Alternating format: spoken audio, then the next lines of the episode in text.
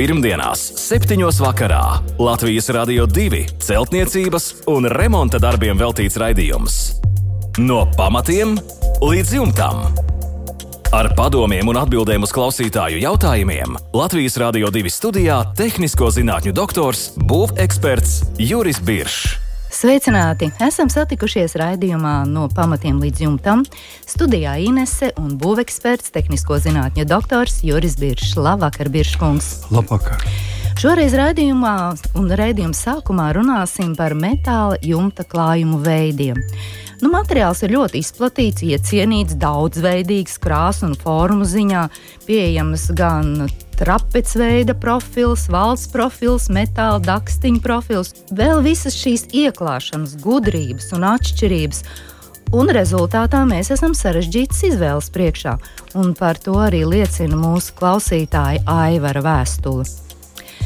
Top koka māja un plānoja jumta pīrāgu. Būs metāla jumts, raksta Aivars, bet šaubas par klājuma veidu. Ko jūs labāk ieteiktu? Un kāds būtu katra veida klājuma pīrāga variants? Kādas atšķirības un kādas priekšrocības? Aivars lietas uz skrūvēta metāla dakstiņa jumta pusi, bet nu nav īsti pārliecināts. Bet jāteic, Biržs kungs, ka metāla dakstiņš ir eh, profila ziņā visvairāk pieprasīts, izrādās Latvijā vispopulārākais. Nu, tā, tā varbūt pēdējās eh, ziņas, varbūt tādas ir. Jo vienu brīdi bija das, dakstiņi, tie bitumēni dakstiņi. Jā, jā. Vienkārši nos, nospiedošā, nospiedošā vairākumā. Bet praktiskā ziņā es arī esmu par to likt metāla dakstiņas. Vai metālu, vienkārši metālu, jo metālu, metālu skārdu likt virsū. Nu, tagad parunāsim, kādi, Jā. kādi tie varianti ir un ko jūs sakāt par katru nu, no tiem. Es teiktu tā, ka uh, mēs tā ne, laikam nedrīkstam teikt, tie metāla veidi, metāla veidu skārda dažādi izstrādājumi veidi ir bezgala daudz, un tur mēs noteikti apmaldītos. Un tāpēc uh, es iesaku variantu, pie kā es turos visu mūžu. Un, teiksim, nu, protams, Citi var piekrist vai nepiekrist, bet principā visus jumtus, kādi ir tikai pasaulē eksistē, mēs varam sadalīt uz divām daļām. Ir jumta, runa iet nevis par jumtu, bet par jumta seguma materiālu. Jā, jumta seguma materiāls. Jā, un tātad visus segu, seguma materiālus var iedalīt divās daļās. Ir tādi seguma materiāli, kuri ir nepārtraukti visā jumta platībā. Nu, teiksim, bitumeni mēs līmējam virsū un gala galā viņš ir viens salīmēts klājums. Ja? Jeb mēs liekam metālu uz valsts savienojumu. Viņš atkal ir sametinās vai salocīts vai, vai lodēts kopā. Viņš ir viens nepārtraukts klājums. Un ir jumti, kuri ir sastāv no atsevišķiem gabaliņiem. Teiksim, tas pats metāls tikai skrūvēm, metāla plāksne tiek saskrūvēta, nākošā plāksne skrūvējam. Tas nozīmē, ka metāla jumta klājums sastāv no atsevišķiem gabaliem. Bit, māla dakstiņi, betona dakstiņi, niedras, niedru jumts tāpat tas, tas viss ir no atsevišķiem gabaliņiem. Tātad Es domāju, ka jūs visi man klausītāji piekrītat, ka ir visi, jebkādi jums kāds jūs nosaukt, sastāv vai nu ir nepārtraukts, vai no gabaliņiem. Un tāpēc Latvijas, tagad atgriežamies Latvijā, Latvijas klimatiskos apstākļos. Visi tie jumti, kuros ir, kas sastāv no gabaliņiem, ir jārēķinās, ka mums ziemā būs sniegs. Tas nu, noteikti būs. Jā, noteikti būs. Šovakar un šonakt būs sniegs. Un tātad Tātad tas nozīmē, ka sniegs, ja ir kaut kādi gabalu savienojumi, teiksim, ar skrūvēm savienojumi, vai salikti gabaliņi, vai pārklāti, tas nozīmē, ka sniegs, pulverveids sniegs, tur obligāti ie, iespiedīsies šajos savienojumos, viņš atradīsies mums zem jumta seguma. Jā. To mēs nedrīkstam pieļaut. Lūdzu, redziet, visi tie jumti, kas ir nepārtraukti, tur šī ir īpašība atkrīt. Ja? Tur nebūs sniegs zem jumta. Un ir tie, kas sastāv no gabaliņiem, tur sniegs var parādīties. Visos jumtos, lai kādi viņi būtu no nepārtraukti vai ar gabaliņiem taisīti, ir sastopams kondensāts, ko veido temperatūras starpības starp ārā un iekšējo gaisu. Un tādēļ kondensāts ir obligāti visos, bet sniegs ir tikai tajos, kur ir kas sastāv, kur segums sastāv no atsevišķiem gabaliem.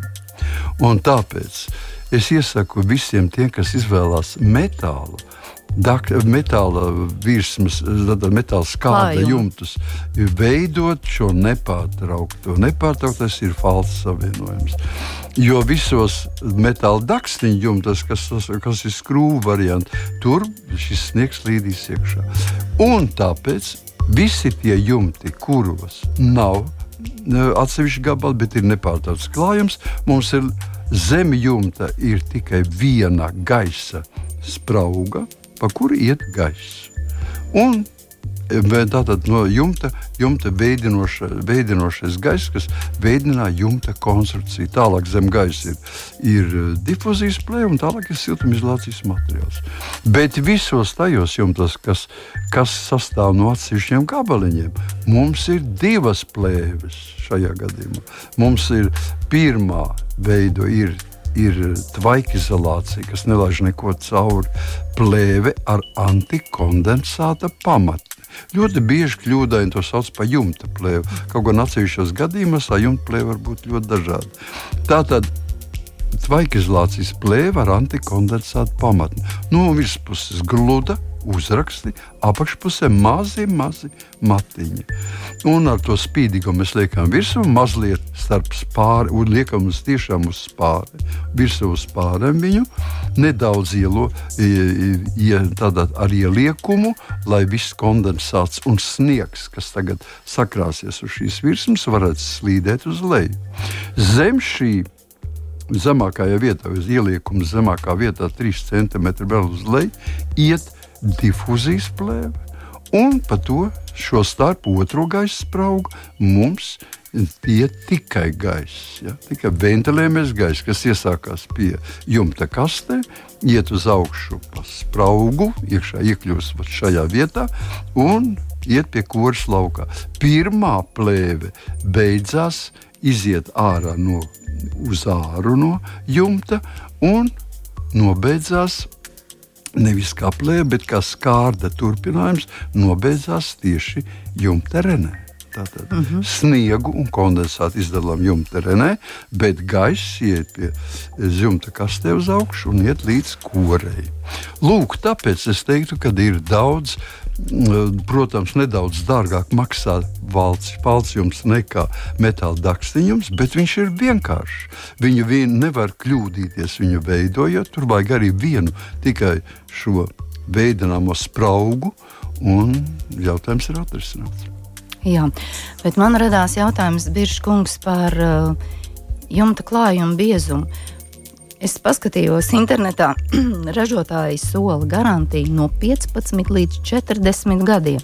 Amplitūda milzīga. Nē, nē, vēl trakāk. Iekšā. Mēs varētu teikt tā, ka kad ruku jumti, nu, somu jumta, manā jaunībā Rannela jumtas, slavenie, tātad tie bija ir tērauda skārda jumti no abām pusēm ar sešām kārtām polimēru klājumiem un viņu kalpošanas laiks tiek manā acu priekšā, viņu teiksim, Somu BTT institūtos pārbaudīju. Es jums varu galvot, ka viņi tur 60 gadus, pat ne 40. Viņi var izturēt 60 gadus. Man ir šāda tipa ēkas sienu apdara. Ja, ārsienas. Un, nu, jau pagājuši apmēram 25 gadi. Es pat nejūtu, ka būtu kaut kāds kaut kāds nu, krāsojums, apsūdzējums vai kas. Jā, tā tad. Tie ir ļoti izturīgi materiāli, tikai pareizi viņus jālieto. Jā, skaidrs. Un arī um, jumta papildus elementi. Es apskatījos, ir jumta lūkas, ir uh, speciāls sniega barjeras. Nu, noteikti ir daži tādi elementi, bez kuriem nu, nekādi nevar iztikt. Varbūt lūka nu, nebūtu tas, tas Nē, nu, primārais. Lūka lūka ir praktiski jebkuram jumtam. Uz jumta jau jātiek ārā, tur mēs nekā nevaram darīt. Kaut kā tas jātiek ārā. Uz jumta, ja ir jumta ar terasēm, tā savādāk var tikt. Bet eh, parastos jumtos jau no bērniņiem jātiek ārā. Tad, tad ir lūkas, jā, snieg, sniegu mm, šis barjeras arī ir, bet vissvarīgākais ir kores elementi, kas nodrošina jumta ventilācija, kur gaiss iziet ārā. Nekādā gadījumā mēs nedrīkstam Latvijā veidot kurs elementus ar, ar nosaktu teiksim, metāla trīsstūrīti. Ja? Metāla tāda leņķa dzelzs uzlikts augšā un viss cauri. Tātad šādi jumti nedrīkst būt. Mums visiem jumtiem jābūt elpojušiem. Jumta konstrukcija nejaukt ar bērniņu telpu. Bērniņu telpa ir cilvēka apziņa. Man, man tas absolūti neinteresē, kāds tur gaiss būs. Svaigs vai nesvaigs.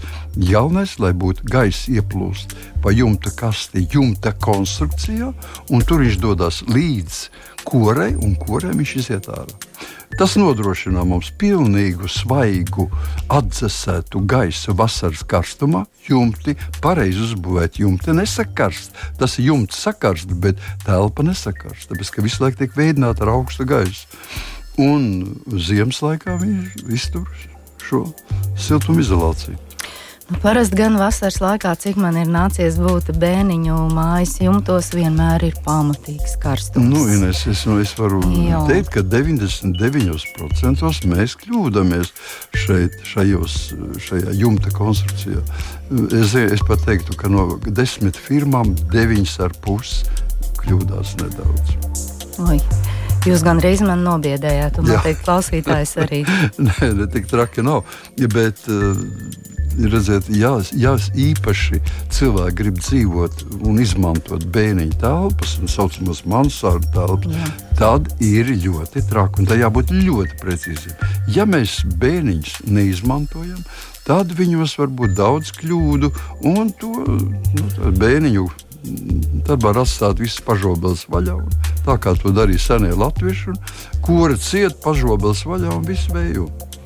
Jā, bet ja mēs bišķi atgriežamies pie Andra jautājuma, redz, viņš ir arī uzrakstījis savu ieplānoto jumta pīrāgu. Ja skatās no ārpuses uz iekšpu, iekšpusi, tad viņš plāno metāla jumts, latojums 50 mm gaisa sprauga, difūzijas membrānu uz spārēm, siltinājums vismaz 200 mm kam jābūt iekšpusē. Iekšējā apdara varētu būt dēļi vai rīģipsis Vai tas viss ir pareizi? Redziet, ja aivars liecas uz skrūvēta metāla dakstiņa jumta, tad nepareizi konstrukcija. Ja viņš uzliks falcētu metāla jumtu, tad viss būs tad būs viss pareizi. Tad viss būs pareizi. Tāpēc, jo, ja mēs tomēr gribam skrūvētu metāla dakstiņu, tad mums vēl virs, virs aivara konstrukcijas jāveido vēl viena gaisa plūsma, kurā tātad atradīsies šī šī tvaikizolācijas plēve ar antikondensātu pamatu, Jā, un pa kuras slīdēs uz leju sniegs. Un... Jā, to jau mēs izrunājam. Paldies, Biržkungs, par šo plašo informāciju. Pirmdienās, 7. vakarā Latvijas Rādio 2 celtniecības un remonta darbiem veltīts raidījums.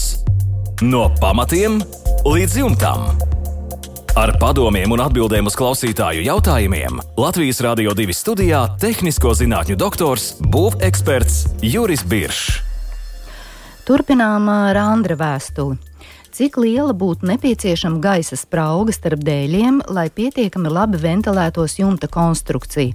Un kāds būtu minimālais gaisa spraugas izmērs? Un Andris ir pievienojis fotoattēlu.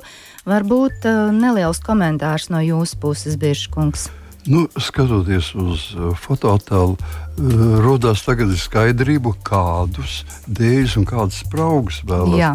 Vēlās Andris atrast. Uh, īstenībā tas nav pareizi. Tāpēc, kad, kad um, lai iekļūtu šajā gaus, gaisa spraugā, pa kuru gaisa virzīsies no pašobeles līdz korei, nu, tātad tur jānodrošina ar to difūzijas plēvi vai tvaikizolācijas plēvi ar antikondensātu pamatu. Mēs veidojam šo ceļu.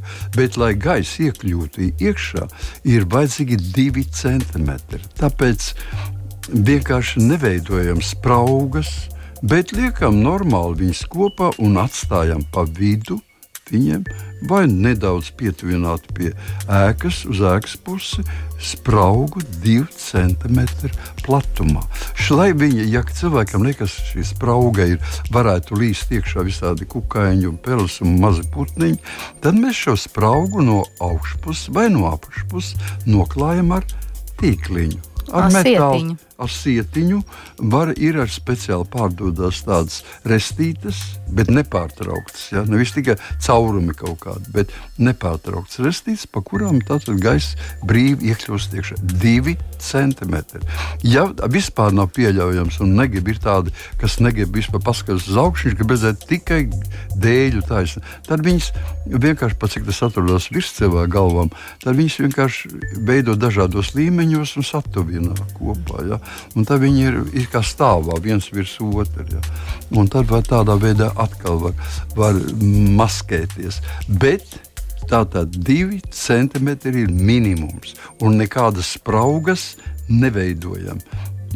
Spraugas nav jābūt dēlīši, varbūt ciet, bet viņiem ir šī īpašā sprauga, pa kuru gaisa iekļūst. Jā, paldies par atbildi Andrim. Savukārt Ritvārs vēlas noskaidrot, vai ir vērts un būs efektīvi, ja siltinātu grīdu no ārpuses. Mājas pamati ir uz pāļiem, un grīdai no ārpuses var piekļūt, un doma Ritvaram ir siltināta ar putu polisterola loksnēm. Jā, nu, teiksim tā, šajā gadījumā Ritvaram vajadzētu vienkārši, vienkārši saprast, ka, mm, ja viņam ir mājās sienas, bet viņam ir grīda, zem kuras ir brīvs gaiss, atrodas, tad tā ir tā pati siena. Tik, ja mēs pagrieztu viņu vertikāli, tad tā būtu siena. Un tātad mēs sienu siltinām no ārpuses, tas ir pareizi, un arī šajā gadījumā grīdu no ārpuses var siltināt. Tas ir pareizi, un to, tā, to arī dara. Un varbūt tas vienīgā priekšrocība, ka Ritvers izvēlējies, ir polistiro loksnes, kuras sienām nav īpaši iesakāmas, bet teiksim, grīdā viņas varētu pielietot. Jo konde, kondensāts, kas veidosies jebkurā gadījumā arī šajā siltumizolācijas materiālā, iztecēs un pilēs uz leju. Sienās viņš nosēžas uz apakšējām daļām un tur rada mums lieku mitrumu.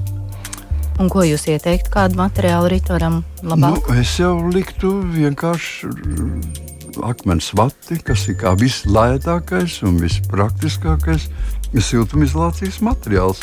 Tad, tad to varētu, jo šeit ir viss tāpat kā sienās. Siltajā pusē liekam tvaika izolācijas plēve, ja, un pēc tam ir siltumizolācija.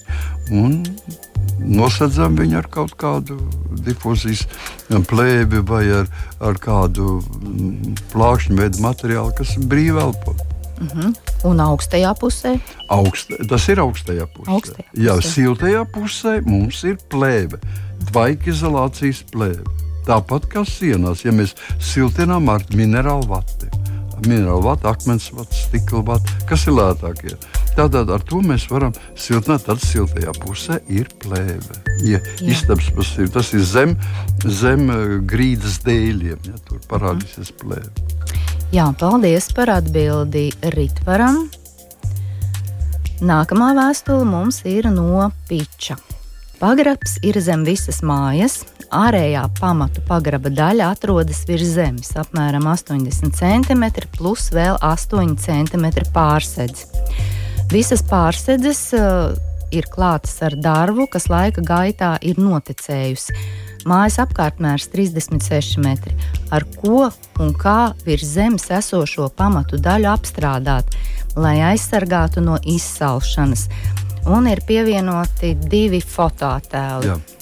Foto, fotoattēli ir redzami, un ļoti jau viss parāda, ka ir šī daļa. Pičam ir jāsaprot, ka šo daļu ēkai mēs saucam par virspamatu vai par cokolu. Ja? Tātad viss tāda pamatu daļa, kas iet no grunts uz augšu līdz horizontālajai hidroizolācijai. Un horizontālā hidroizolācija parādās tur, kur ir pārsedzes. Viņam, ja? Tā tad, lūk, šo, šī daļa ir cokols. Tad tā cokola siltināšana. Viņas problēma, tas ir piča problēma, ir cokola siltināšana. Ar ko mēs cokolu siltinām? Ļoti bieži vienkārši par cik tas ir daļēji tikai skar apdzīvojamās telpas, un lielākoties tur ir pagrabi vai pagrabam tuvinātas telpas, nu, parasti ar putu polistirolu ekstrudētu. Nu, teiksim, 5 cm ir pilnīgi pietiekoši. Bieza kārta, kuru mēs tagad jautājums tikai viens. Kur atrodas horizontālā hidroizolācija? Ja horizontālā hidroizolācija ir zem pārsedzes, zem, zem betona pārsedzes, tad mēs siltinām līdz šai vietai. Ja viņi atrodas virs, virs pārsedzes, tad mēs siltinām tur, kur sākās koks. Ja? Tādā tad siltinām līdz tai vietai. Tas ir ļoti būtiski. Ja? Un atstājam pašu horizontālo hidroizolācijas vietu, atstājam brīvu tā ir tā saucamā mājas plaušas, caur kurām māja elpo. Visi mitrumi no sienām nonāk līdz šim, šai horizontālajai hidroizolācijai, un visi mitrumi no apakšas paceļās līdz šai vietai. Un šeit viņi vienkārši pie horizontālās hidroizolācijas uzsilst, un mājas siltums ejot ārā, paķer līdz šo mitrumu un iznes ārā. Tā viss tiek parasti veidots. Nu, var siltināt arī ar akmens vati. Nav nekā, tas ir tikai, tikai teiksim, ekonomiskā daļa mm, no jautājuma. Un cik bieži akmens vats slānis siltinājumā? Nu, akmens vats slānis ne biezāks kā 10 cm. Es neredzu, ka tam vajadzētu būt biezākam. Un putekļi polistirols varētu būt nu, 5 centimetri. Mm -hmm. Un tas aizsargās no izsalšanas. Tas aizsargās no izsalšanas. Ja tur ir īpaši noteikumi, kad, kad šajā puspagraba telpā ir nepieciešams vēl kaut kāda paaugstināta temperatūra, tad mēs siltinām pārējo daļu no iekšpuses ar mīkstām koku šķiedru plāksnēm, radot sev komfortablus apstākļus un papildinot siltumizolāciju. Jā, paldies par atbildi Pičam. Un iepriekšējā raidījumā, 15. novembra raidījumā, mēs runājam par skaņas izolācijas daudz dzīvokļu ēkā, dzīvokļos. Un Jānis ir uzrakstījis vēstuli.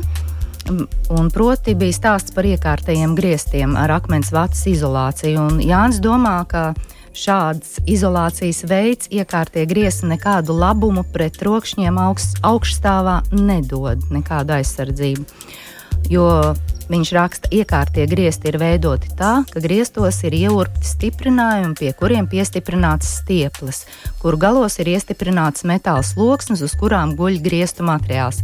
Nu, šī metāla konstrukcija darbojas kā rezonators. Nu, viņš uzskata, ka vajadzētu stieples aizstāt ar saitēm vai izgudrot savādāku piekārto griestu variantu. Vai jūs varat piekrist Jāņa viedoklim? Nu, principā, principā tas ieteikums, ka vajadzētu saites, man nekas nav pretī, lai tas būtu. Jo jebkurš metāls labāk nedaudz vod, bet principāli, principiāli tas e, uzskatu, ka Jāņa aizrādījums nav vietā.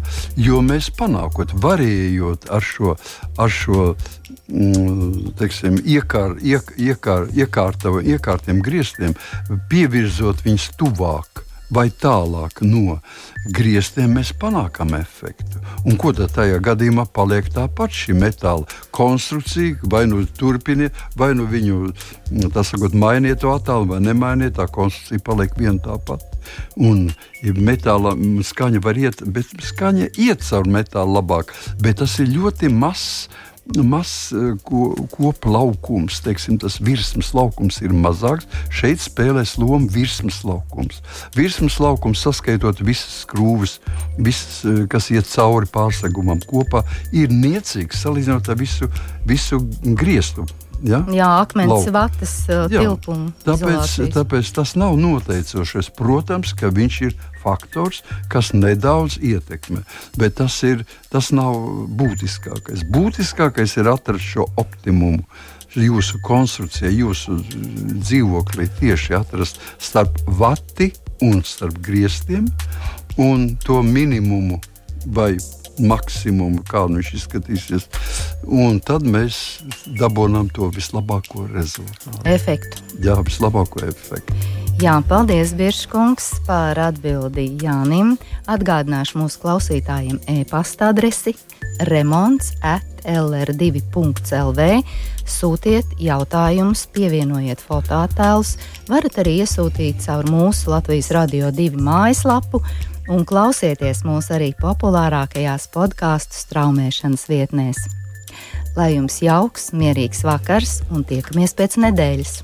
Visu labu! Pirmdienās, 7. vakarā Latvijas Rādio 2 celtniecības un remonta darbiem veltīts raidījums. No pamatiem līdz jumtam.